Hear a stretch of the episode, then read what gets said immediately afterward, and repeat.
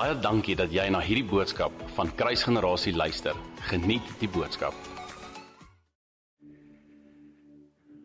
Julle is 'n voorreg om die boot die eerste boodskap te kan bring in hierdie huis vir vir 2022. Pastor Jan is so voorreg ek wil vir vir Pastor en vir Mariska so sê ons eer julle. Ehm um, ek dink nooit in my en Anja se journey het ons al ooit so koneksie beleef soos met hierdie huis nie. Um, ons honor so ons eer so wat Vader besig is om te doen hier. Ek's excited oor wat kom vir hierdie huis. Um, as ons so gereeld met die span werk en ons spandeer tyd saam met hulle dan weet ek hulle plant saad op die regte manier. Um, wanneer julle miskien by die werk is, is hulle in die prayer room besig om te intercede vir julle en vir hierdie gemeente en waantoe hierdie huis op pad is. So ons kom met nederige harte, pastor, in hierdie huis en vandag en um we want to lift you up, we want to serve where we can. En ons is regtig lief vir julle. Ek het um so excited oor julle theme vir die jaar en uh ek ek het 'n woord wat ek wil release 'n waarskuwing. Dit is altyd die gewildste profetiese woorde seker nie. Um, wanneer die theme eintlik die theme is altyd Jesus, né? Supposed to be. Nie dat ek nou enigiets sê van hierdie jaar se theme, it is amazing. En die Heilige Gees kom beklemtoon sekere goed op sekere tye. Maar ek wil vir julle sê wanneer die theme Jesus is, moet jy maar weet dat die gees van godsdiens gaan en ek wil dit release oor die huis gaan inkom in hierdie huis en en vir julle kom sê maar daar moet sekerlik meer wees. Né? Kan nie net Jesus wees nie. Moet wil jy die hele tyd oor Jesus praat en die kruisiging en wat hy kom doen het en surely there must be more. En dit wil ek vir julle sê dat die oomblik as jy as jy toelaat dat die gees van godsdiens deur jou operate in daai sin en jy wil iets by Jesus bysit want wie hy is is nie vir jou genoeg nie. Die oomblik as jy ietsie bysit, vat jy eintlik iets weg van hom af.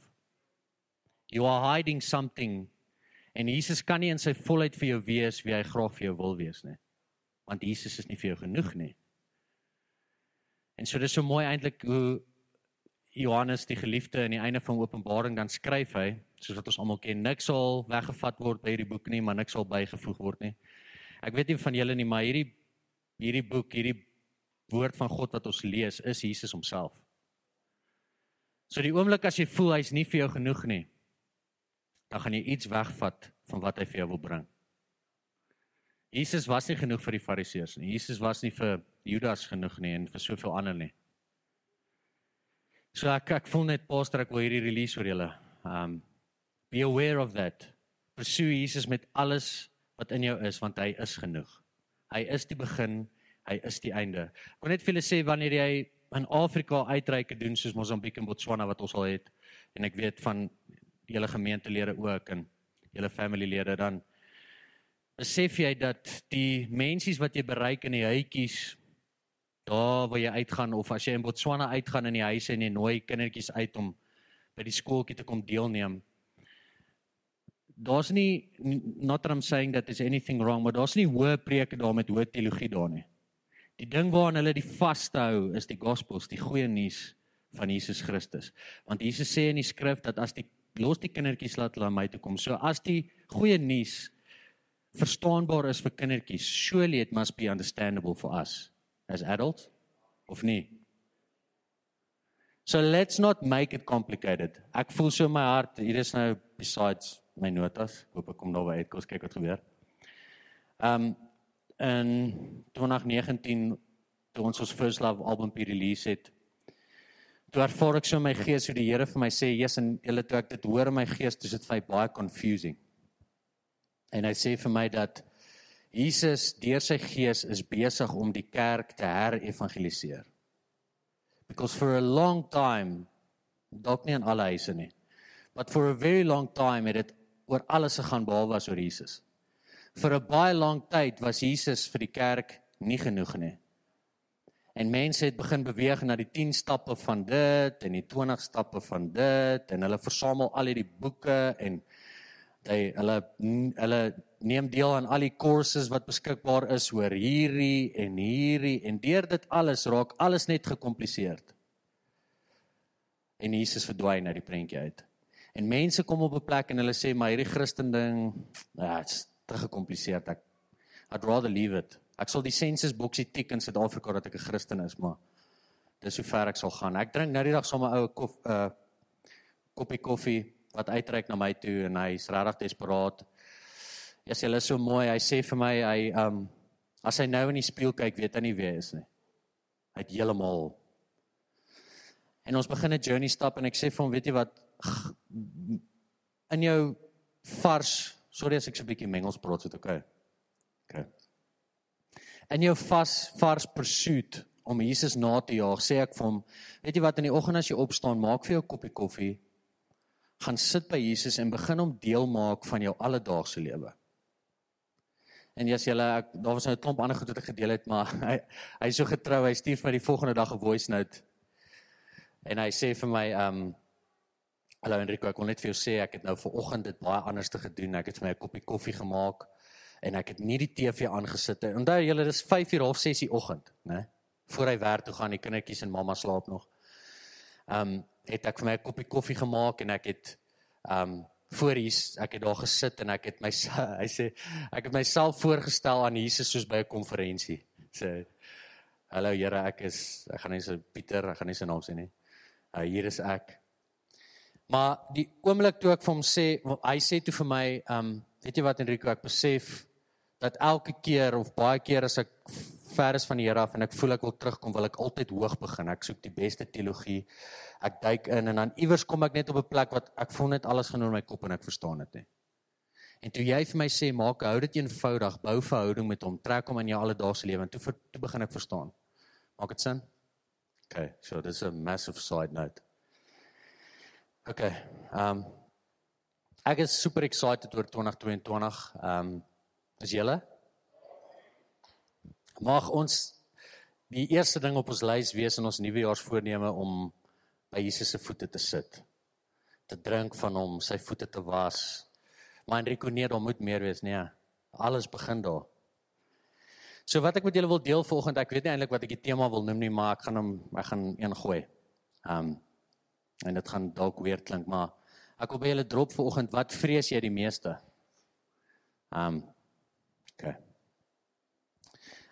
die laaste ruk op 'n storieetjie afgekom Markus 4 vanaf vers 30 tot 41 en ek gaan vandag se boodskap so bietjie om albei bou. Uh Markus 4 en dan Matteus 10 waar Jesus die disippels uitstuur. So as julle wil, as julle welkom om sin toe te blaai, anders te kan julle net vir my luister. Um Kom ons bid net gou terwyl ons voor ons ingaan. Here, ons eer U vanoggend. Vir wie is U is die eregas. Here kom breek die skrif oop in ons harte. Here kom maak die oë van ons hart oop en die ore van ons hart oop sodat ons U sal hoor deur die Gees wat U wil sê vandag. In die naam van Jesus. Amen. So die van julle ken seker die verhaaltjie. Ehm um, meeste van julle ken hom al, maar dis vir my so 'n vars relevant verhaal van in die tyd wat ons leef. Ehm um, ek gaan lees vanaf vanaf vers 35 af en dan kan ons hom so ontbind en die Heilige Gees vertrou. On the same day when evening had come he said to them let us cross over to the other side as Jesus wat daar praat. Now when they had left the multitude they took him along in the boat as he was and other little boats were also with him. So hulle was nie alleen nie. Hulle het gegaan. Jesus het 'n opdrag gegee, maar daar was ander klein bootjies saam met hulle. And a great windstorm arose and the waves beat into the boat so that it was already filling. But he was in the stern asleep on a pillow, and they awoke him and said to him, Teacher, do you not care that we are perishing? Vers 39. Then he arose and rebuked the wind and said to the sea, Peace be still.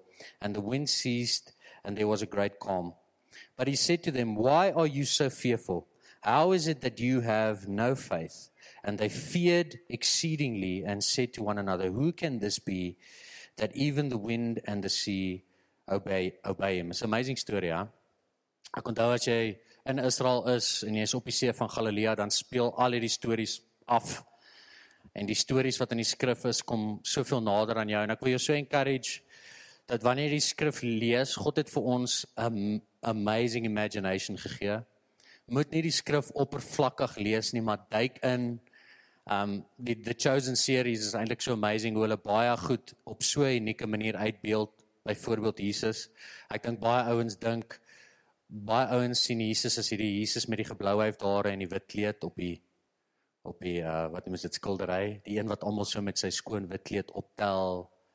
Weet nie wie van julle sien hom so nie. Maar hoe ek Jesus sien is hierdie rugged Joodse man wat grappies gemaak het met die disippels, wat 'n snoekie gebraai het op die strand. Uh, ek sien hulle van die manne kyk my nou snaaks, maar dis hoe ek hom sien. En dan so lees die skrif dieper.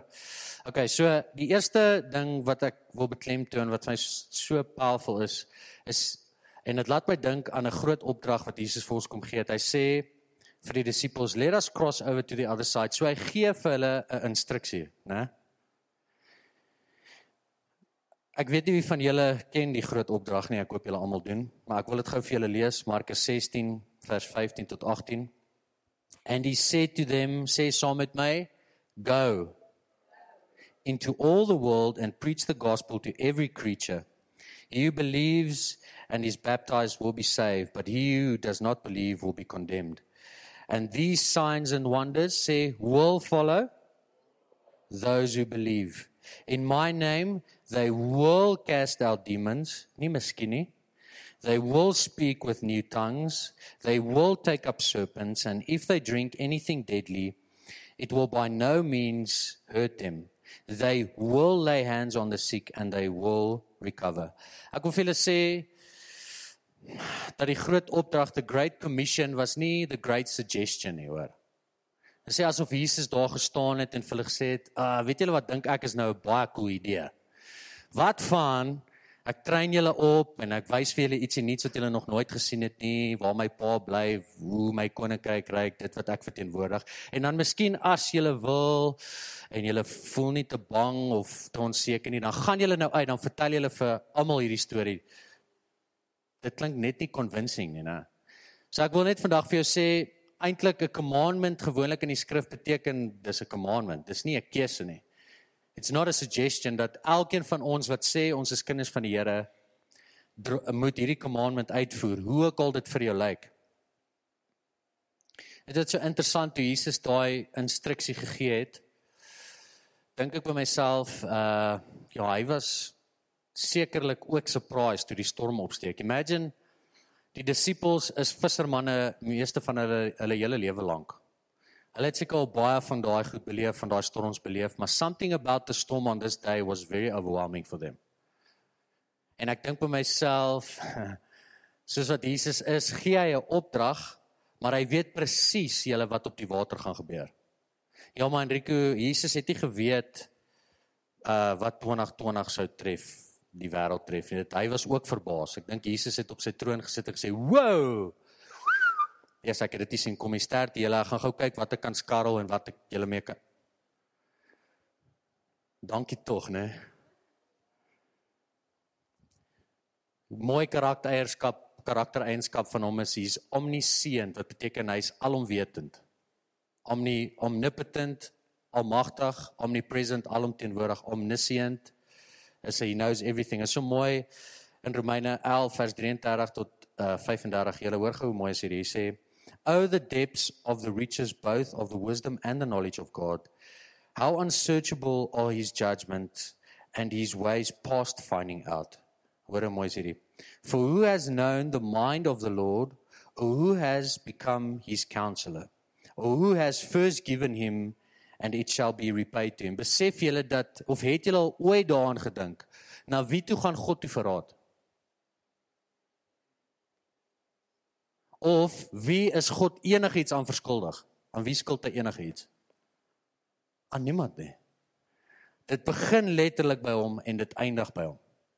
Hy is die alomwetende een. Dis nie asof God daar dink, "Wow, 2022 COVID, blah, alles wat in die gang is, wie kan ek beraad?" Uh Hy's die alomwetende en hy weet presies wat gebeur. En miskien kan ek dit hier ingooi. Dit sê in my notas in Handelinge 17 sê hy dat jy is op 'n spesifieke tyd en op 'n spesifieke plek geplaas dat hy die lyne van die nasies getrek en hy bepaal presies wat in daai seisoene gebeur. Besef jy dat jy is in hierdie tyd geplaas in Middelburg, in Mpumalanga, in Suid-Afrika vir hierdie uur vir 'n tyd soos nou. Dink julle dit is per toeval? Weet julle hoe sien ek dit as ek in Spar loop elke dag of ek I don't know, waar ook al ek mag wees buite my huis of in my huis. Elke liewe persoon wat verby my loop, die kassier met wie ek praat by die til, die ou wie ek kry by die tolhek, God het presies geweet daai persoon gaan verby my loop, daai persoon gaan Is dit nie baffle dit nie jou mind so bietjie nie? En ek dink soos wat Jesus hierdie opdrag vir hulle gee, het hy presies geweet wat kom. Is dit nou nog oké? Okay? Ek wil vir julle sê baie kinders van die Here in hierdie tyd se harte is oorweldig deur vrees. Julle weet wat sê toe die disippels hom wakker maak, sê hulle vir hom, um teacher, do you not care that we are perishing? Hulle is saam met die koning van die heelal in 'n bootjie. Besef julle hoe maklik in 'n oomblik wanneer goed donker raak, wanneer goed moeilik raak, hoe vinnig ons vergeet?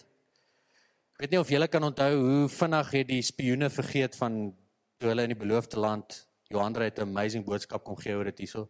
Hoe vinnig het hulle nie vergeet van die een wat tot op daai punt vir hulle alles kom doen het en alles bewerkstellig het op pad na die beloofde land toe nie. Ek weet nie wie van julle nie, maar as mens dink aan die mensdom is dit interessant om te dink dat dis altyd die negatiewe wat meer aan ons vasklou as die positiewe. Jy sal altyd meer ou onthou vir dit wat hy verkeerd gedoen het as dit wat hy reg gedoen het en God wil dit kom verander, ewen wanneer dit kom by vrees. Maak dit sin? So hulle is so vreesbevange en hulle sê vir hom gee u nie om en net daar glo hulle alleen van wie Jesus is en van sy karakter teenoor hulle. Het jy al dalk so gevoel? Nie skaam wees nie. Stay in die binnekamer wat jy ingaan wat jy omroep en sê Here, waar's U? Het U van my vergeet? Ek wil net gou iets oor dit sê ook. Ehm um, dat as jy baie kwaad in die binnekamer inhardloop en jy's regtig frustreerd en jy skree op hom, wil ek net vir julle sê dat ehm um, hy gaan nie terugduins en vir jou sê uh Enrico, kom hier, stap net eers uit en dan kom jy weer terug want as jy weer so met my praat dan zap ek jou met 'n weerligstraal mee. Dis nie hoe hy werk nie hoor. Dis nie hoe hy werk nie. Inteendeel hy wil hê jou verhouding met hom moet so rou en eerlik as moontlik wees. Luister, hy's God. He's not offended or disrupted or shaken by anything en ek belowe jou nie deur Enrico se stemmetjie wat daar gaan. Okay. Nou is jy wakker. Mooi. Ehm um, Ek wil gou vir julle sê net op hierdie wat gebeur wanneer mens vrees. Ek het hier neergeskryf vrees belas jou met 'n valse waarheid oor die toekoms. It burdens you with a false truth about the future. En ons ding is ons glo baie keer, ja, julle die vyand is so uh wat is die regte woord? voorspelbaar. Hy gooi hy's nie die creator nie, daar's net een creator en sy naam is Yahweh, né? God wat hemel en aarde ge gemaak het. So die vyand kom en hy probeer naboots, hy probeer 'n valse waarheid naboots, hy probeer goed voor jou gooi en die goed wat hy voor jou gooi is heeltyd dieselfde goed. En ons val baie keer vir daai selfde goed. So vrees belas jou met 'n valse waarheid oor die toekoms. Wanneer jy vrees, is die fokus die heeltyd waar? Waar's die fokus die heeltyd? Fokus is die heeltyd op jouself. Ek moet survive. Ek haal skaars asem. My neus is net so bo die water. Angs, vrees, ek moet net survive. Daar's net nie nou tyd vir iemand anders nie want ek moet net survive. Kom julle agter wat vrees doen? Wat ook al jy vrees bo God, sal jou besit.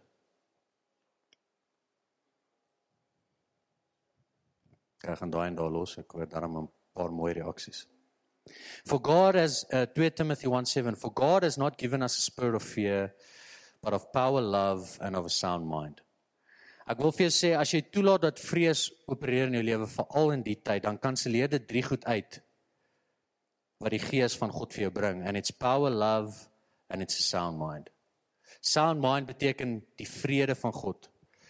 Kom ek gaan nou ek lees dit vir julle. Jesus sê in Johannes 14:2 Peace I leave with you vers 27 My peace I give to you not as the world gives do I give to you let not your heart be troubled let not is nie soos dis weer eens een van daai dinge van uh as jy wil worry so bietjie maar onthou maar net ek is daarom nog hier my waarheid staan vas. Hy sê moenie bekommerd wees nie. Sê dit gou vir jouself dat ek dit hoor. Mooi. So hier's oor die vrede van Jesus. Hier's my hier's Enrico vers 1 vers 1 of Opinie 1 vers 1. Hier's my take. Um, ek kom agter die laaste paar jaar dat die comedy industrie het baie gegroei. Kom julle dit miskien agter? Kom ons sê miskien van Trevor Noah se tyd. Ek kyk nie al daai goed nie, ek moet sê. Ehm um, ek maak eerder my eie Christelike grappies op, is bietjie skoner en daar's 'n kompromie daarin nie. Maar weet julle wat kom ek agter? Nie net met die comedy industrie nie. Kom ons vat en hoor my hoor my hart as ek nou die volgende sê. Moet asseblief nie dink ek super religious en jy gaan nou huis toe gaan en jou Netflix account toemaak en jou bottel wyn in die asblik gooi asseblief nie, okay. Maar net nie op Facebook post en Rico het so gesê nie, want dan gaan ek dalk hier al kom en sê jy het my verkeerd verstaan. Maar ehm um, hier's my take. Ek kom agter dat al hoe meer mense gaan comedy shows toe want hulle wil tog net vir 2 ure escape van realiteit af. Hulle wil tog net vir 2 ure lekker lag en wat ek agtergekom het met meeste comedians deesdae, hulle is nie eintlik so skerp nie. Mense lag eintlik net vir elke tweede vloekwoord en ek weet nie hoekom nie. So hulle kan nie wag om vir daai 2 ure I don't know, mans in hulle nothing box in te klim of ek weet nie wat nie, net te relax en al die finansiële baggage, al die stres, al die angs net een kant toe te gooi en vir 'n ou te kyk en te lag en dan stap jy 2 ure daar uit en die aand en jy gaan slaap en die volgende dag is al jou probleme net terug en dit dit jy seker nie hard genoeg of lank genoeg gelag nie, ek weet nie. Selfs met 'n glasie wyn, ouens kom by die huis so afhanklik van daai glasie wyn. Jesus, as ek kom drink vir daai halfuur, haal ek diep asem. En daar kom 'n vrede en rus. Ek kan nou nie sê steek jou hand op wie kan vereenselwig met dit nie. Maar God Ehm um, so kan mens die lysies opnoem. Netflix binge vir 2 of 3 ure. I'm not saying it's wrong. My challenge wat ek wil los is of die gevaar is die oomblik as ons afhanklik raak aan enige van daai goed om vir ons vrede te bring. Bo Jesus is dit is ons op 'n gevaarlike plek. En ons sien dit, dit is 'n realiteit in die wêreld en Jesus kom en hy sê vir die disippels, die vrede wat ek gee, kan jy nie eens vergelyk met die vrede wat die wêreld bring nie. Die vrede wat die wêreld bring is momentary blisses, soos wat hulle van praat. Dis oomblikke wat ons escape, maar dan die volgende dag ek kon ek het bietjie gekuier in my vorige lewe hier kom van my geskiedenis bietjie uit. En kyk, ons het gegooi. En dan dink ek dat daai aand as ek nou lekker gooi en ek kuier lekker en ek is buite myself, dan is vir daai tyd is al my challenges, my soeke na identiteit is alles weg. Maar dan môre as ek opstaan, dan het ek al daai goed terug en ek het 'n babbelas. So ek het ietsie bygekry. Is nie Jesus se hart vir jou nie. And it will not sustain you in the times to come. Jesus se hart vir ons is even in die vallei He will sustain you in the valley. Daar waar die dou val op die blaartjies onder in die vallei, he will sustain you there. Dan kom daar seisoene wat jy uit die vallei uit beweeg and he will sustain you there as well. Vrede is 'n plek of 'n persoon en sy naam is Jesus Christus.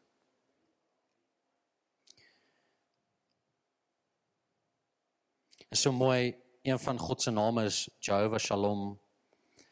Ek wil net vir julle sê wat die Hebreëse woordjie alles saamvat. Dit dit beteken, soos jy vir iemand sê Shalom, beteken dit gesondheid, harmonie, innerlike vrede, kalmte en rustigheid.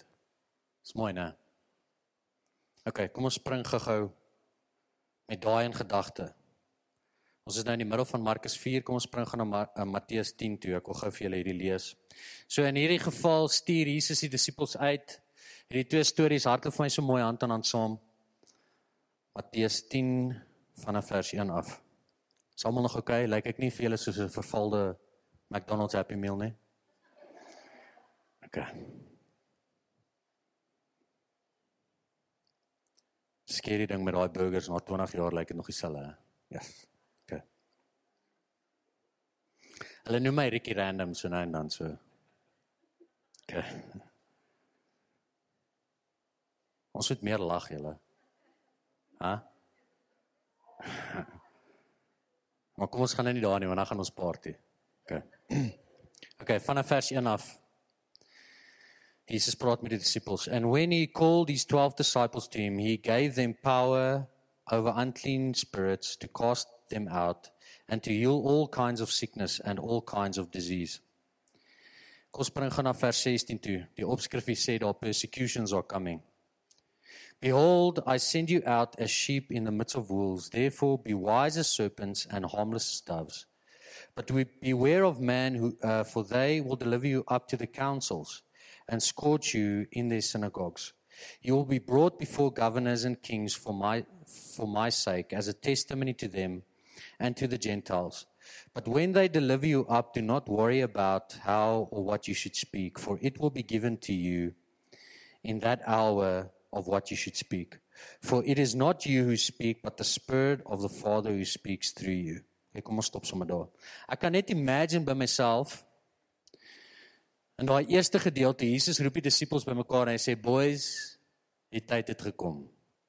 Nou gaan ons fireworks sien. Ek gee vir julle alle autoriteit. Julle gaan geeste uitdryf. Mense gaan gesond word. Yes, dit gaan dit dis powerful. Dis my krag in julle. Ek stuur julle uit en dit is so asof die atmosfeer change en sê vir julle, okay, wag, wag. Ek wil net ook vir julle sê, ek weet nie of julle miskien die fine print gelees het nie, but persecutions are coming. En ek kan dink by myself van daai eerste deel klink dit so positief en hy sê, okay boys, hier gaan nou die goeie nuus, dit wat jy vir my gehoor het, gaan deel dit uit en ek wil net vir julle sê daar gaan nie net goeie nuus wees maar daar gaan krag wees wat saam met hierdie goeie nuus kom, né? En dan spil hy die beans en hy sê vir hulle julle gaan gevang word, julle gaan gehaat word vir my naam, you'll be persecuted. En ek kan dink van die disippels is al klaar pad uit. Soos hulle hulle staan nog vir 'n oomblik en dan begin hy en dan begin hulle sê, "Oké, okay, wie van ons gaan waai want hierdie ek het nie hierdie sien kom nie. Ek het nie geweet dis deel van die pakket. Let's go."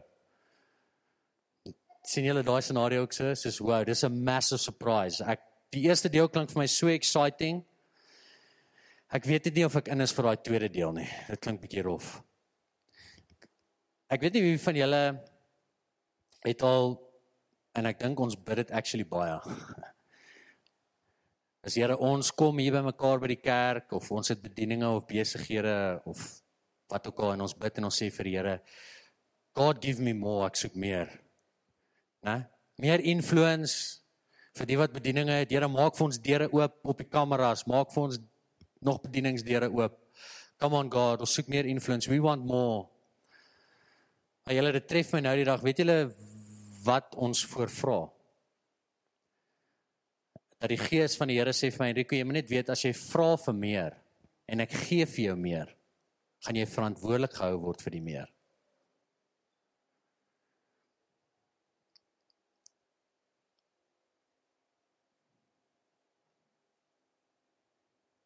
Ek kan net imagine hoe Maria moes gevoel het toe engel Gabriël aan haar verskyn.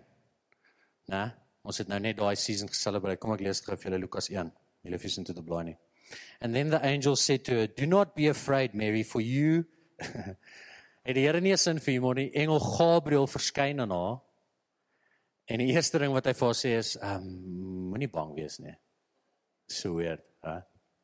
Dis selfs soos Jesus toe hy when he was resurrected en die disippels kruip weg en Jesus loop deur die deur of deur die muur, ek meen die deur is gesluit. Hy loop reg deur, die disippels wag en die oomblik as hy deur die muur loop, dan sê hy vir hulle boys, moenie net skrik nie. Die Here het 'n sin vir humor julle. En die engel sê for do not be afraid Mary for you have found favor with God. And behold you will conceive in your womb and bring forth a son and shall call his name Jesus. He will be great and he will be called the Son of the Highest, and the Lord God will give him the throne of his father David. Guns, né? Hy sê vir baie geluk, jy het guns gevind by die Here. Jy gaan die koning van die heelal dra. Ek weet nie of ons altyd besef wat guns beteken nie of wat die meer beteken nie. Ek wil net vir jou sê dat it means Die oomblik as daar guns is of daar is meer waarvoor ons verantwoordelik gehou gaan word, there will also be what? Persecution. Daar sal teenstand wees. Jesus sê in die skrif dat julle sal gehaat word omdat julle aan my behoort hierdie wêreld. Die prentjie wat ek wil skets hier in voor ons terugspring na Markus 4 toe is dat daar's geen twyfel in my hart in die seisoen waarin ons leef nie. Is vir julle? Daar is geen twyfel in my hart dat daar baie ernstige uitnodiging van die Gees van die Here af is vir sy mense nie. Daar is geen twyfel in my hart dat as jy kyk na die samelewing en dit wat besig is om te gebeur, miskien in my opinie is ons op die rand van die grootste herlewing wat hierdie aardbol nog ooit gesien het. Here, ek soek guns. Vul my ek wil net vir jou sê, saam met daai guns moet jy weet jy gaan verantwoordelik gehou word en daar gaan teenstand kom. OK, Markus 4, ek spring gou terug.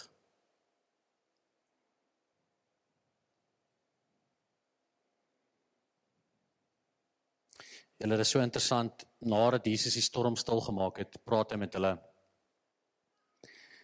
Hy vra vir hulle 'n vraag Hy sê vir hulle, "Why are you so fearful?" Dan skryf staan dit geskryf hier. Um how is it that how is this that you have no faith? En dan daarna net daai vraagie dan sê dit and they feared exceedingly. So hy vra vir hulle, "Why are you so fearful?" En dan net rukkie nader dan sê dit hierso and they feared exceedingly. Besef julle wat dit in daai oomblik in die disippels harte gebeur. Die oomblik toe Jesus opstaan He rebukes the storm, die storm raak stil. Wat dink julle het in hulle harte geskuif? Wat se balans het in plek gekom? Kom ek lees dit vir julle wat daar staan. And they said to one another, who can this be that even the wind and the sea obey him? Kom ek sê julle wat in 'n gesonde manier het in hulle harte gebeur dat hulle het besef dat die storm wat hulle nou beleef het, soos ek nou nou gesê het, onthou hulle was visserman, hulle het op baie storms beleef, but for some reason this was overwhelming for them. So hierdie storm moes iets uitsonderliks gewees het. Maar die oomblik toe Jesus opstaan and he takes authority over that storm, that storm had to bow under his name. Daar kom 'n vrees in hulle harte in vir wat? Vir wie? Nie vir die storm nie. Daar kom 'n vrees in hulle harte in vir Jesus Christus, die koning van alle konings en hulle besef maar hy is werklik die God. Daar is niks wat bo hom kan heers nie. Jesus kom aan die einde van Matteus 10, kom ek lees dit vir julle. 27 Whatever I tell you in the dark, speak it in the light, and whatever you hear uh, in the ear, preach it on the housetops. And sê dit hierso, and do not fear those who kill the body but cannot kill the soul, but rather fear him who is able to destroy both body and soul. God se grootste dit klink so weird want in 'n in 'n prosperity hyper grace gospel wat in die kerk ingekom het, pas hierdie nie in nie. Dis God se begeerte in sy hart dat ons as sy kinders hom sal vrees bo enigiets anders because that is the beginning of wisdom is that we would fear him. Ek onthou in 2019, ek dink dit was 2019 toe ek die groter werke konferensie afgesluit het. I spoke about the fear of man. En min het ons geweet wat 2020 die wêreld sal tref en al die conspiracies en goed wat aan die gang is alhoewel ons weet ons lewe in hierdie uur. Nee? Ek sê dit weer, God se begeerte vir jou is is dat jy hom sal vrees bo alles anders. Want ware vrede lê in die vrees van die Here. Ware vrede. Daai Shalom vrede lê in die vrees van die Here.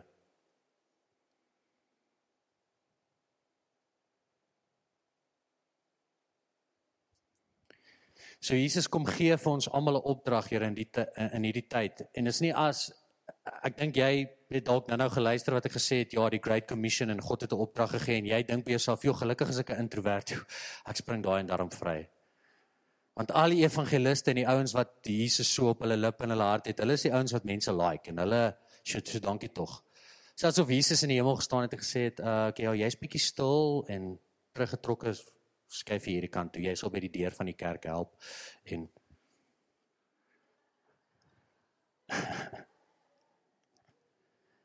Die groot opdrag, the great commission given by God is vir ons elkeen gegee. My gebed in die tyd vir die uur waarin ons is, sê ek vir die Here, Jesus, ek soek alles waarvoor U gesterf het. Julle ons bedien op soveel plekkies, ons het die voorreg om dit te kan doen. Ek kan vinnig en duidelik sien wie is gewillig om in die rivier te spring en wie gaan buite die rivier staan en kyk.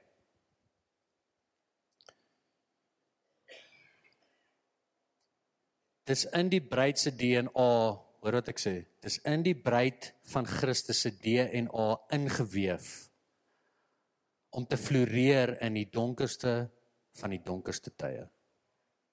Inteendeel, die bruid gaan haar verskyning maak wanneer in die donkerste van die donkerste tye.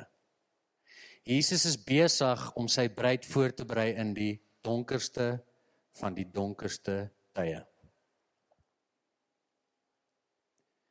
Daar is mense wat glo in of jy glo in die wegraping of nie. Daar's mense wat glo in 'n escape theology. Van Here kom haal ons net asseblief. Ek kon net vir jou in die eerste plek sê dit gaan baie hard klink. Ek wil vir jou in die eerste plek sê as dit jou gebed is, is jy baie prideful. En hou jy Jesus vir jouself. Punt nommer 1. Punt nommer 2 is dit nie Jesus se hart dat ons elke oggend moet opstaan en ons grootste gebed is tot die aand wat ons gaan slaap Jesus kom haal ons net uit hierdie plek uit nê.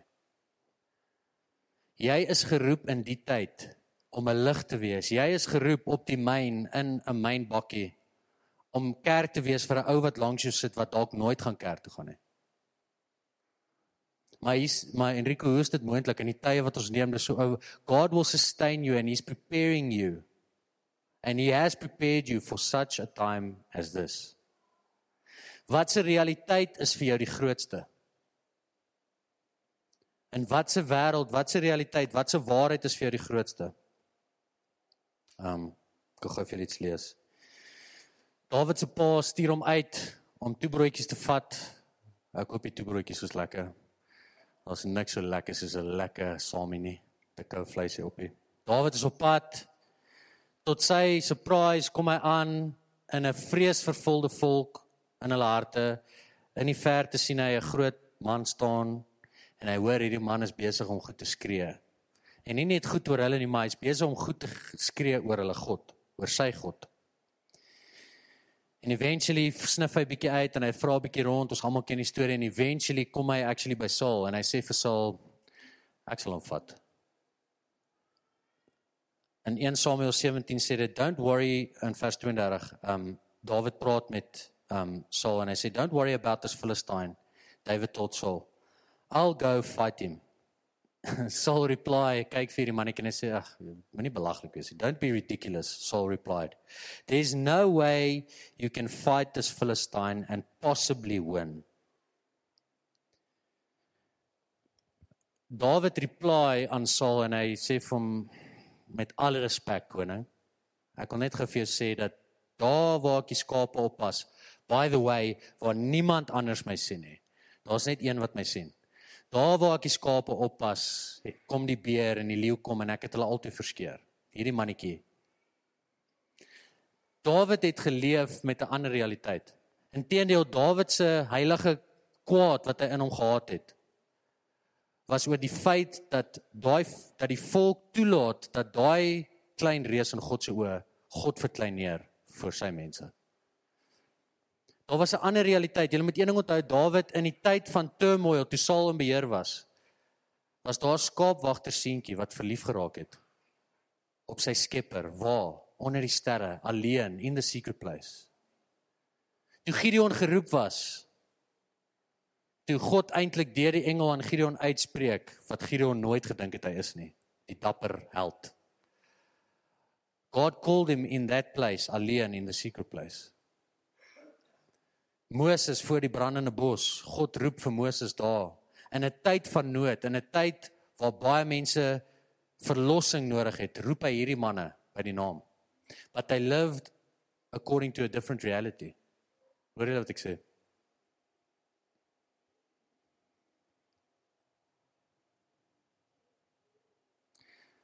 Ek wil gou ek's amper klaar. Ek wil gou vir julle 'n berig lees um uit CBN net wat ek gekry het. So encouraging berig vir die tyd waarin ons leef en vir die kerk. Ek wil net dit sê dat die vyand dink hy's baie slim, maar die vyand oorspeel altyd sy hand. Dis amper soos hangman, hy kom op 'n plek dan hang homself. Kom ek begin voor ek dit lees. Ons is besig om die grootste die meeste salvations te sien inkom nog ooit. As in die geskiedenis. Ehm um, Sean Voigt hulle deel in Irak, daar waar hulle gaan en gaan bedien. Julle weet, hulle vat gitare saam. Ek het ingeskryf om of ek wou die 1 jaar gaan. Jy kry 'n bulletproof vest. Jy vat jou gitaar saam en die Kurdian soldiers vat jou met jou gitaartjie in hulle pansers waar tot op die grens waar jy ISIS deur die verkykers kan sien.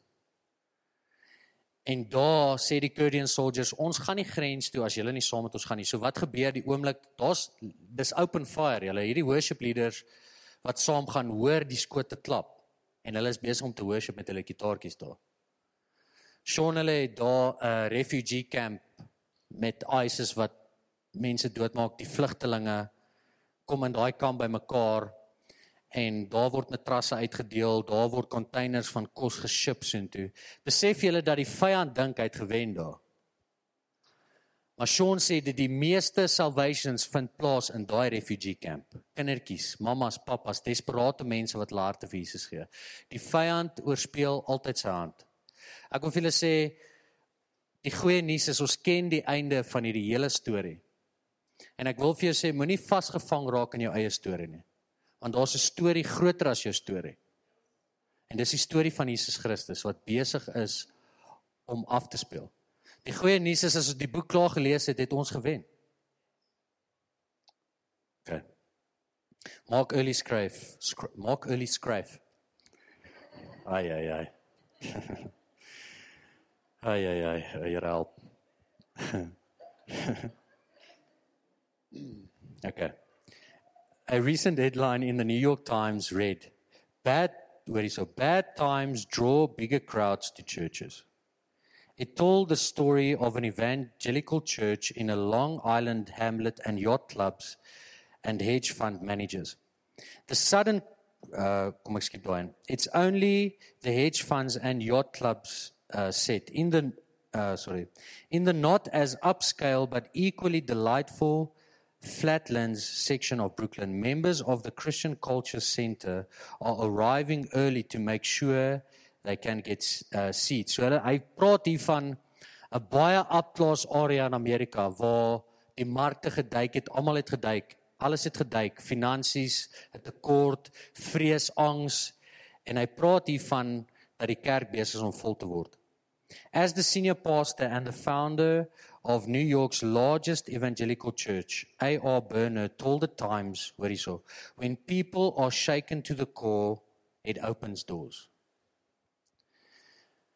In hierdie tyd waarin ons leef, as jy jouself beskikbaar maak en jy maak die groot opdrag, the Great Commission deel van jou lewe, dan gaan jy vinnig bewus raak van die feit dat daar soveel mense daar buite is wat vatbaar is vir die goeie nuus dat ewe skielik as jy ewen as jy Handelinge 2 gaan lees toe die kerk gebore was, sê dit daar and a great fear came upon the people. Weet julle wat as ek besig om te sien in society dat daar is 'n godsbewustheid wat oor mense gekom het. Ek weet nie of julle dit sien nie. Ewe skielik kry jy boodskappe van mense wat jare laas in die kerk was of hulle was nog nooit nie en hulle begin uitreik vir hulp. Hulle begin uitreik om gesond te word. Hulle begin uitreik om vry te kom.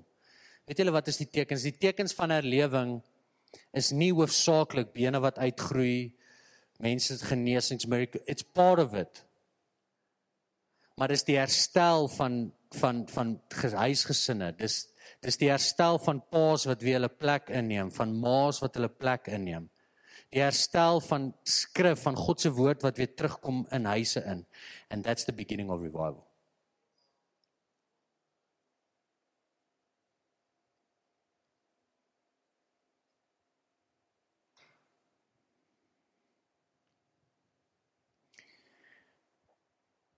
ek gou ek saampe klaar vir 'n paar getuienisse deel in tye wat ek gevoel het um die vyand probeer my stil maak. Net soos wat Saul vir Dawid probeer stil maak het en sê dude jy staan nie 'n kans nie.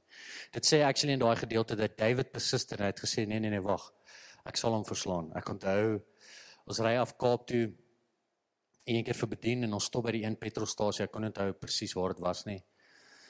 En ek so pad badkamer toe en uit die hoek van my oog sien ek 'n ambulans stop en hy hy het nie sy sirenes aan nie, maar sy liggies is aan en ek weet daar's iemand binne en die Heilige Gees sê vir my jy moet vir daai persoon gaan bid. Nou is die paramedics daar, dis klomp mense hier en ek skep met by mekaar en ek begin loop en kom daar uit en ek tik die een paramedic op die skouer en ek sê hoorie uh, ek voel net in my hart ek moet vir hierdie persoon bid. Die een paramedic kak af en hy sê jy kan maar bid ek glo nie aan daai goed nie. En terwyl ek nog so praat met hom praat, ek weet nie of hulle geleentheid gesien het, toe die persoon terug in die busie en hulle slaat die deur voor my toe.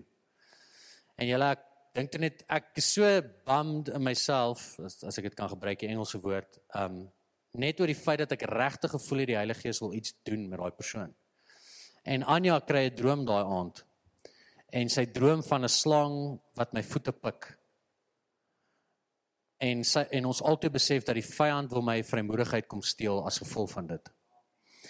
En dank Vader die die Heilige Gees het dit aan ons kom openbaar want ek het op daai stadium toe net gesê maar as dit die geval is I'll just press even harder.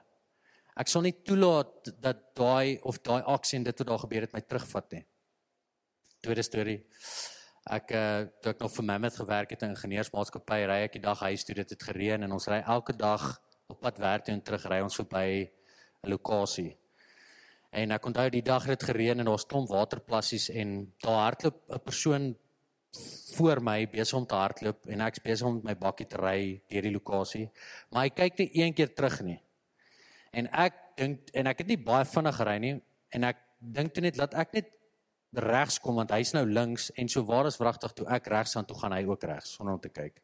Jesus julle en ek stamp met die bakkie daai ou uit sy skoene uit. Soos hy ek is in die bos en ek kan nie uitkom nie, dis net modder. Klim uit. Hy kan nie opstaan nie, hy kan skaars loop. Hy's besig om daar te lê. Die gemeenskap begin saamdrom. En ek dink nou moet ek my kop bymekaar kry. Ek moet rustig raak hier en een van my uh werkskollegas help my om die persoon in die bakkie in te laai. Nou moet ek hom hospitaal toe vat. Hy het soveel pyn, hy kan nie loop nie. Ons moet hom indra in die kar in. Is ek besig om te ry. Nou praat ek met die Here en hy sê ek sê Here, U moet my nou help. Ek weet nie of hy lekker Engels verstaan nie, maar in die volgende oomblik, um, hy's nou nog so nat en vuil en ek vat my hand en ek sit my hand op sy been. Die been wat seer is en ek begin bid. Yes, en ek proklameer. En op 'n stadium kyk hy my so en hy sê ek weet of hy nie Engels ek weet nie, maar something's happening inside of him. Ehm um, en op 'n stadium op pad hospitaal toe stop ek hom en ek sê okay okay um I want you to get out. Ek weet julle daar gebeur crazy goed as jy nie die Heilige Gees kan sê ek weet nie as ek nou moet terugdink dink ek dit is nogal hilarious maar ek sê vir hom klim uit and you see that tree go walk to that tree and come back and walk on your leg. nou klim hy uit nou kan ek sien en hy loop en hy raak die boom en toe hy omdraai julle die verbaas en die skok op sy gesig van daar's niks wat my been nie ek kan loop En net daar kom genees die Here hom. Ek het toe net hom pynpille gaan koop by die by die hospitaal. Maar ten spyte van, ek wil vir julle sê, maak nie saak deur watse oomblikke jy gaan nie, deur watse situasie jy gaan nie. In Jesus is daar altyd 'n oplossing. Daar's altyd opsies.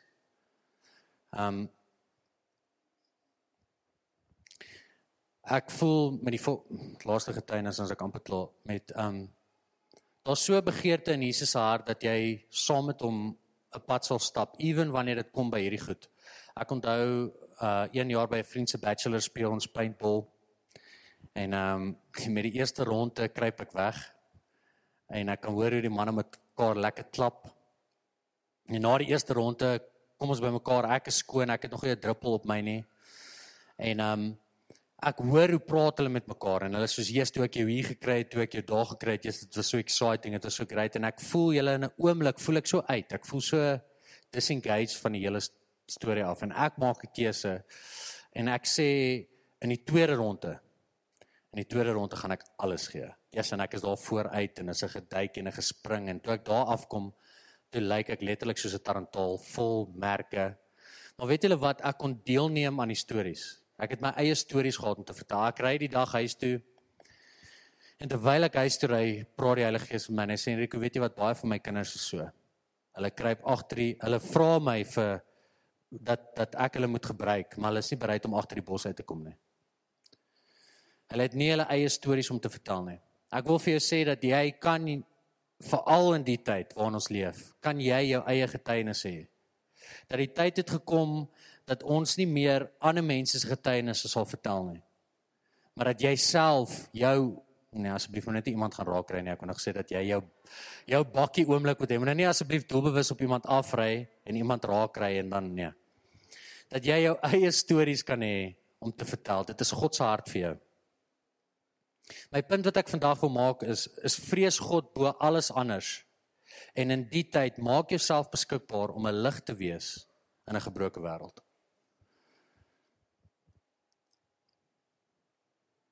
Matteus 5:14 tot 16 You are the light of the world a city that is set on a hill cannot be hidden nor do they light a lamp and put it under a basket but on a lampstand and it gives light to all who, who are in the house. Let your light shine before men, that they may see your good works and glorify the Father in heaven. Dit is die rede hoekom ons skyn voor mense sodat hy die eer kan kry.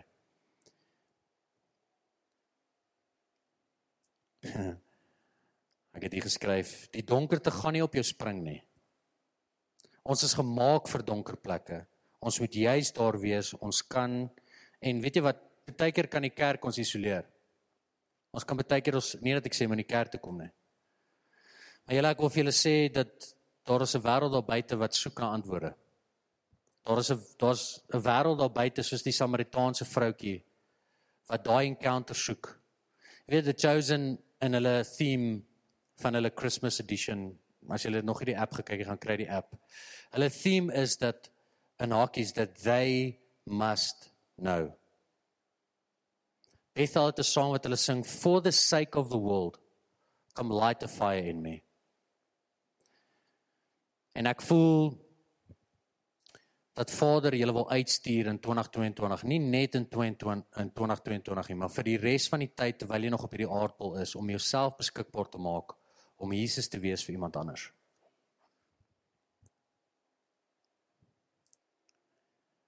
Handelinge 1:8 But you shall receive what? Power when the Holy Spirit has come upon you, and you shall be witnesses to me in Jerusalem and all Judea and Samaria and to the ends of the earth. Jy sal krag ontvang. Hierdie selfe krag waarvan hy praat is die betekenis uh, is die verwoording dunamis wat beteken bonatuurlik. Dis nie jou krag nie. Dieselfde gees wat Christus uit die dood uit opgewek het, dieselfde krag leef in my en jou. Is dit ons realiteit? Besef ons dit? Loop ons met daai bewustheid elke dag? His ability, sy krag deur ons vir sy glorie. Die gees wat ons ontvang het, moet ons effektiewe getuienisse maak van die goeie nuus. My challenge vir myself hierdie jaar en my challenge vir jou is is leef ons so dat ons effektiewe 'n effektiewe living testimony is van wat Jesus kom doen het. Maak nie saak hoe donker dit word nie. Die bruid sal opstaan in hierdie uur. Die kerk sal groei in hierdie uur. Dit is bewys deur die eeue heen dat maak nie saak hoe donker dit geword het nie in resessietye, verdrukte tye dat die kerk het gegroei. Die kerk is hier om te bly. Jesus se werk en dit wat hy kom doen het aan die kruis is 'n volmaakte, voldoende werk. Dit is hier om te bly. En daai werk op die kruis is gedoen om vir my en jou uit te stuur om 'n verskil te gaan maak. Dis hoekom ek julle ge-challenge het in myself. As jy skaam gaan wees in die kerk, gaan jy skaam wees by die werk. Hey. Sê okay, like of van julle my wil gooi, like of van julle my wil eet omdat ek daai happy meal is. Kan ek die band oproep? Is dit okay? Terwyl hulle opkom dink ek aan twee stories, Handelinge 16. Ons almal ken dit so goed. Julle Paulus en Silas is in die tronk vir 'n goeie werk actually. Hulle dryf 'n uh, waarsêersgees uit 'n jonk hultjie uit en haar eienaars wat geld ontvang het deur haar rapporteer hulle Hulle word geslaan, hulle word gemartel, hulle word mishandel, hulle word in die tronk gegooi.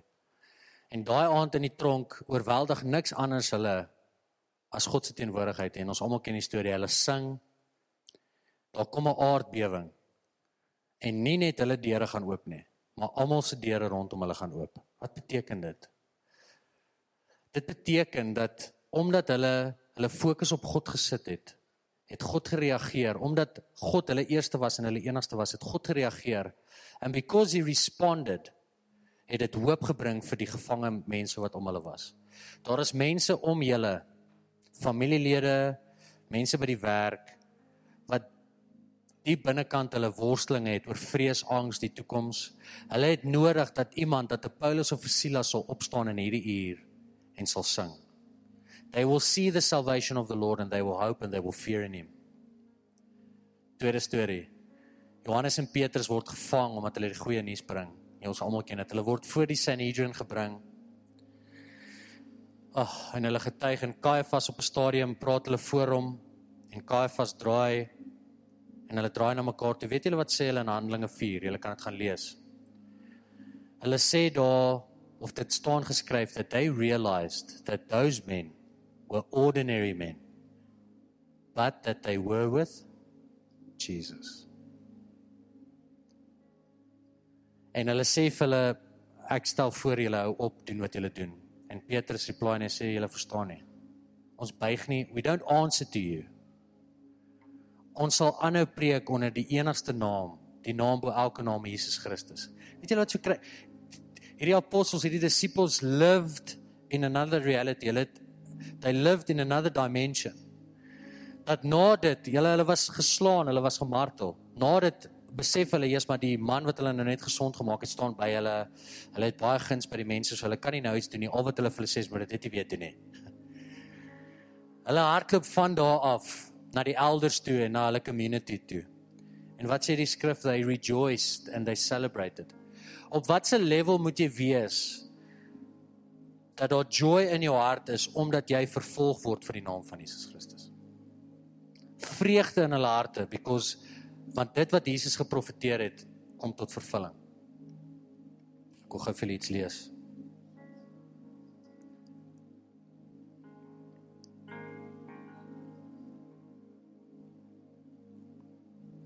And being led to go they went to their own companions and reported all that the chief priests and the elders had said to them. So when they heard that they raised their voice to God uh, when they heard, they raised their voice to God with one accord and said, Lord, you are God who made heaven and earth and the sea and all that is in them. Uh, who by the mouth of your servant David have, David have said, Why did the nations rage and the people plot vain things? The kings of the earth took their stand and the rulers were gathered together against the Lord. Hulle besef met vreugde in hulle harte, wow, dit is soos wat Jesus sê, die konings en die nasies sal opstaan teen U. Maar dis vir ons 'n vreugde om vervolg te word vir U naam. Hæ? Dan bid hulle die volgende gebed en mag dit ons gebed wees in hierdie jaar. En dit is my gebed na van 2020. Now Lord, look upon their threats. Kyk na hulle na die bedreiging. And grant to your servants wat ons is uh, that with boldness they may speak your word. Dan sê hy, by stretching out your hand God to heal and that signs and wonders may done through the name of your holy servant Jesus. Here in die tyd sien ons die dreigemente. We see the threats. Maar ons vra dat U vir ons die boldness sal gee om U woord te verkondig without wavering, without compromise. Julle God in hierdie skudding van die tyd waarin ons leef is besig om die kerk skoon te maak. Hy's besig om sy bruid skoon te maak. Ek is nie teen die kerk nie, ons is juis vir die kerk. Want vir die uur wat kom, moet ons verragtig gewortel wees in hom. En ons moet wragtig die een vrees bo alles. Die grootste openbaring wat jy gaan kry in hierdie tyd, wat ons almal gaan kry, is die leeu van Juda. Toe Johannes die geliefde vir die troon kyk, toe sien hy die leeu en die lam. Ons het verlang die lam gesien. Inteendeel, ons het die lam so gesien dat mense die lam misbruik het. Die een wat genadig is, ek kan maar aanhou Sondag want dankie tog sy genade is genoeg. Nee, kan nie aanhou Sondag nie. Genade is vir jou gegee om jou juis uit sonde te bevry. Maar nou, in hierdie uur gaan ons die leeu van Juda hoor brul soos nog nooit tevore nie. We're going to see the fire of the Lord like we've never seen before. Ons kan sien waar ons beweeg dat daar is 'n vars uitstorting. Daar is 'n vars afseeling van harte vir die wat gewillig is. Ek klink nou soos die pastore wat sê ek is nou klaar. Ek is nou klaar vir een ding deel. Sorry pastor. ons bedien in Appington laas jaar Jean Picard, Johan Drey, 'n klomp van daai ouens, julle en daar breek 'n vuur uit in daai week wat ek lanklaas gesien het. Mense lag op die grond. Mense is gone onder die gees. Op 'n stadium hou Anja vir Hanna mytjie vas en Hannatjie begin so bewe. En Hanna sê vir haar mamma maar ek bewe en en Anja vra vir my as jy bang. Anja sê nee, ek is nie bang. Hanna mytjie sê ek is nie bang nie, ek bewe net en ons besef in daai oomblik dat in God se teenwoordigheid she's trembling. En iets skuif in daai jong girltjie se lewe. Dat sy daai aand van daai aand af val sy plat op haar gesig wanneer sy worship. It's like there was a fresh baptism of the Holy Spirit upon her. Dat sy bid nou die dag vir ons by die huis en sy begin bid en ewe skielik begin sy profeteer. Sy's 4 jaar oud. Ek en Anja kyk vir mekaar. Ek sê liefie, sy's besig om te profeteer. We are living in exciting times. Jy sal krag ontvang wanneer die Gees oor jou kom. Jy weet dat die Gees Heilige Gees het vir Jesus in die wildernis ingelei. Nee, nee, dit kan nie wees nie. Ons is soos die prosperity ouens sê, nee, ons is geroep vir die beloofde land. Daar's meer geen woestyne vir ons oor nie. Kan ek jou vra, hoe word die egtheid van jou geloof getoets? Jakobus James skryf, "Consider it all joy when you go through many trials and tribulations." Ek dink ek het seker hard op jou kop geval. Want in daai oomblikke vind ek geen vreugde nie. Maar hy sê, weet jy wat is 'n goeie teken? That if you go through the trials and tribulations, it's the testing of your faith. It builds your character. So die egtheid van jou geloof word getoets in die tye soos die. Waar is jou geloof? Dis soos Todd White sê, as die lewe jou squeeze soos 'n tandepasta bysie, wat kom uit? Dan vinnig sien wat in jou hart aan die gang is. OK. Ek wil is almal okay, het hy vir van julle 'n bietjie huis toe geslaan? Ja. Jesus gee, kom ek sommer op. Jesus gee 'n opdrag. Daai opdrag bly staan. Whether it is kom ons gaan na die ander kant toe of whether it is wat dieselfde is go to the nations. Hy gee die opdrag. Jesus in die wete dat hy die opdrag gee, weet wat voor lê. Hy's nie surprised nie, guys. So wat beteken as hy die opdrag gee, sal hy vir jou gee wat jy nodig het om daai opdrag uit te voer. In die goeie tye, nee, nie net in in in in the darkest of the darkest of moments. En die donker gaan nie op jou spring nie soos wat baie mense glo. Ja, ons kan net nie kroeg toe gaan en daar mense die woord want net nou spring die donker op ons of die dronk gees en dan word ek lekker.